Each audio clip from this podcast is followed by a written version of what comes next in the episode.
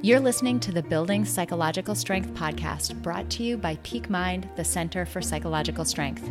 This is Mindset Minute Monday. So many times we have a win or we check something off our list, and rather than pausing to give ourselves credit for the progress that we're making, we immediately move on to the next thing. Raise your hand if you're guilty of that. P.S. You guys, I'm raising my hand right now. This week, my challenge to you is to acknowledge your wins and accomplishments. Minimally, each time you check something off your list or you achieve something, pause and give yourself a mental high five. If you want to take it even further, hug yourself. Literally, give yourself a squeeze.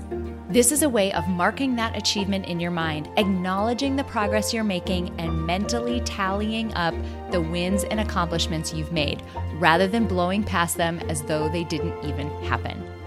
Try this out for a week and see how you feel. DM us on Instagram at Peak Mind Psychology to let us know how it went. And if you want even more, click on the link in the episode description for a free gift from us. If you benefit from our content, please drop us a rating and a review on iTunes and do share this with others who might find it valuable.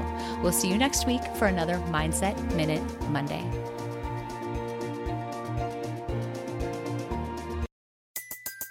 Everybody in your crew identifies as either Big Mac Burger, McNuggets, or McCrispy Sandwich, but you're the Filet-O-Fish Sandwich all day.